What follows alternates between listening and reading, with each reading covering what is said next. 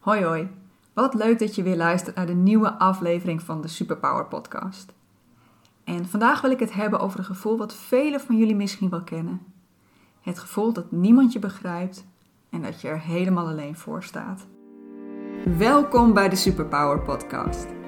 In deze podcast neem ik jou mee op de zoektocht naar jouw superkrachten.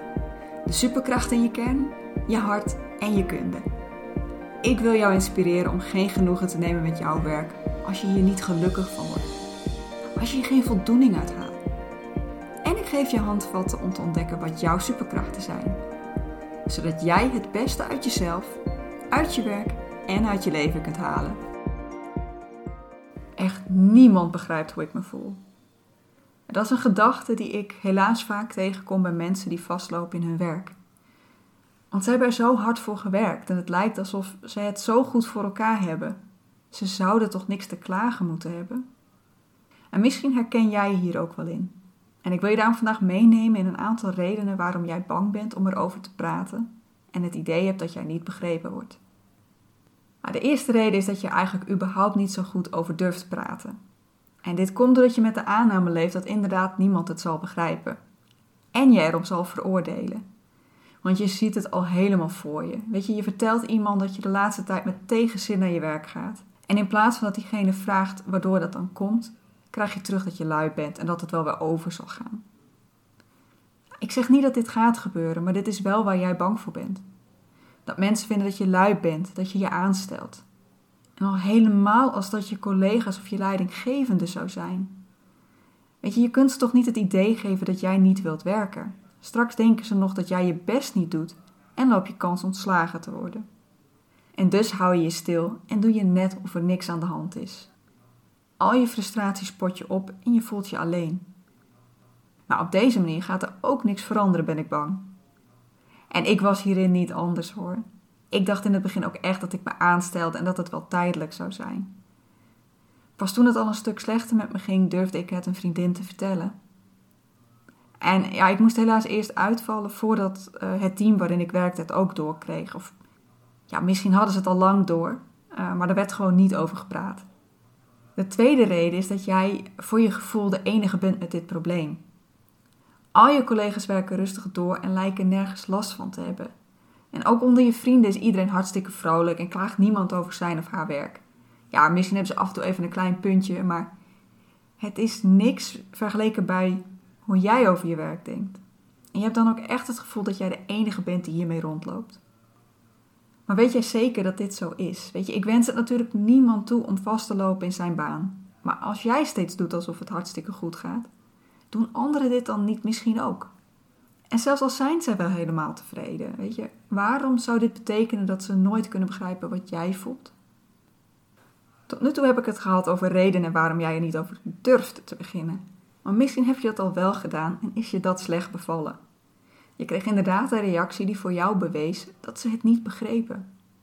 Het kan bijvoorbeeld zijn dat je te horen kreeg dat het allemaal wel weer over zou gaan. Gewoon even doorzetten. Weet je, die zin, dat komt wel weer.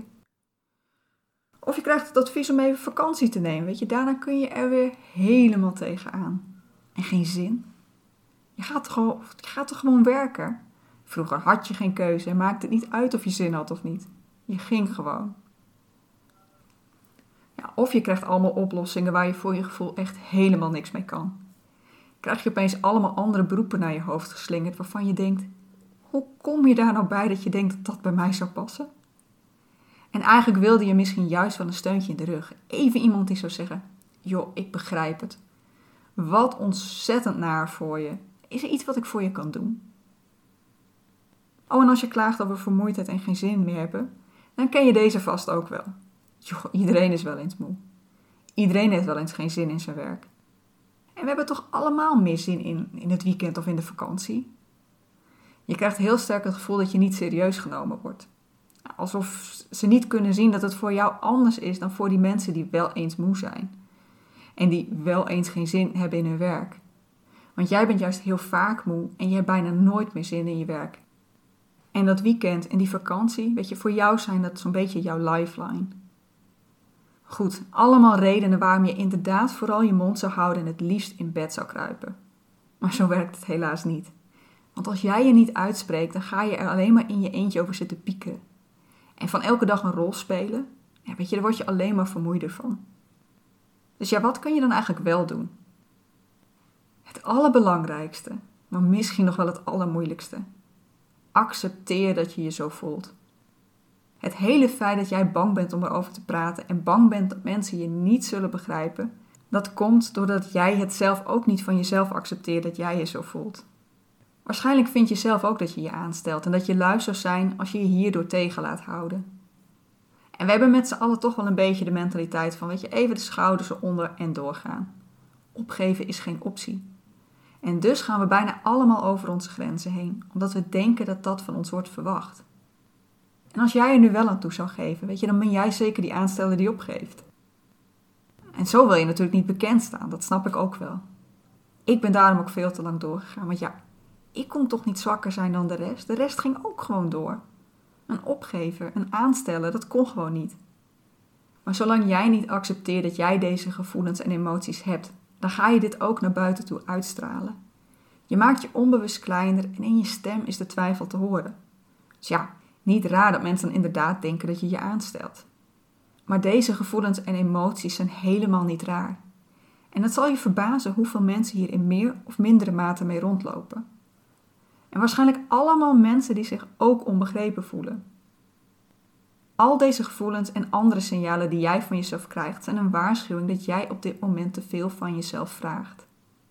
Als jij dit van jezelf kunt accepteren, dan sta je meteen veel steviger in je schoenen als je wel met anderen hierover gaat praten. Want dat is inderdaad het volgende wat je juist wel moet doen: erover praten. En misschien denk je nu, maar dat is toch het allermoeilijkste? Nee, als jij jouw eigen situatie accepteert en jezelf er niet om veroordeelt, dan kan het oordeel van de buitenwereld je ook niks schelen. Als jij dit voor je blijft houden, dan ga je jezelf steeds meer isoleren. Van je collega's, van je vrienden, je familie. Waarschijnlijk ga je dan door tot je er letterlijk bij neervalt of totdat je, totdat je opeens besluit dat het zo echt niet langer kan en jij zonder een plan B opeens ontslag neemt. Als jij er wel over gaat praten, dan kun je even voor jezelf alles op een rijtje zetten. De persoon met wie jij in gesprek gaat kan dan jouw spiegel zijn en zelfs als deze persoon weinig voor jou nuttige input blijkt te hebben. Weet je, je hoort in ieder geval nog wel wat je zelf allemaal zegt. Belangrijk daarbij, bedenk wat jij nodig hebt en kies zorgvuldig.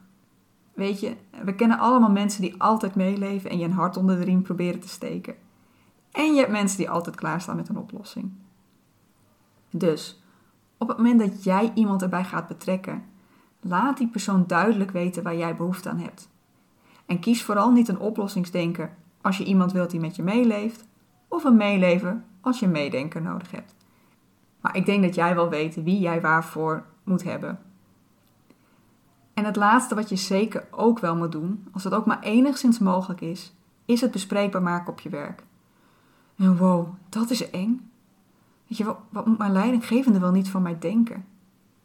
Nou, elke werkgever heeft er baat bij dat zijn werknemers gemotiveerd zijn en aan de slag willen gaan.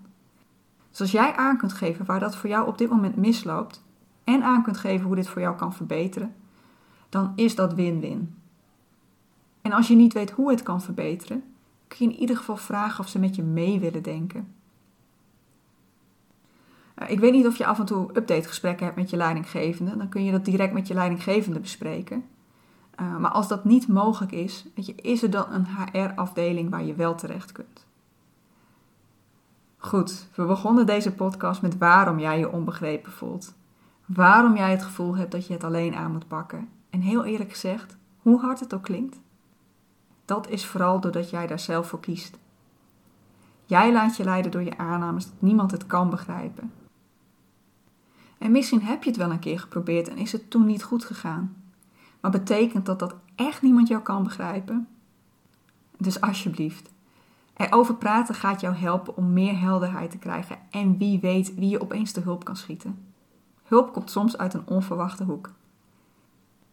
En ik weet niet of je wel eens op mijn website bent geweest, maar je kunt er onder het kopje gratis een boek vinden dat ik heb geschreven. Het is een fictief verhaal van iemand die, tenminste als je je herkent in deze podcast, in een voor jou vergelijkbare situatie zit. En ik heb dit boek geschreven voor iedereen die zich inderdaad onbegrepen voelt en het gevoel heeft dat hij of zij de enige is die dit doormaakt. Spoiler alert. Dat ben je niet. Dus ben je benieuwd en heb je zin in een portie herkenning, dan raad ik je zeker aan om dit boek te downloaden. Dit is het weer voor vandaag. Nog een fijne dag, nacht, werkweek, weekend, wanneer je deze ook maar luistert. Tot de volgende keer.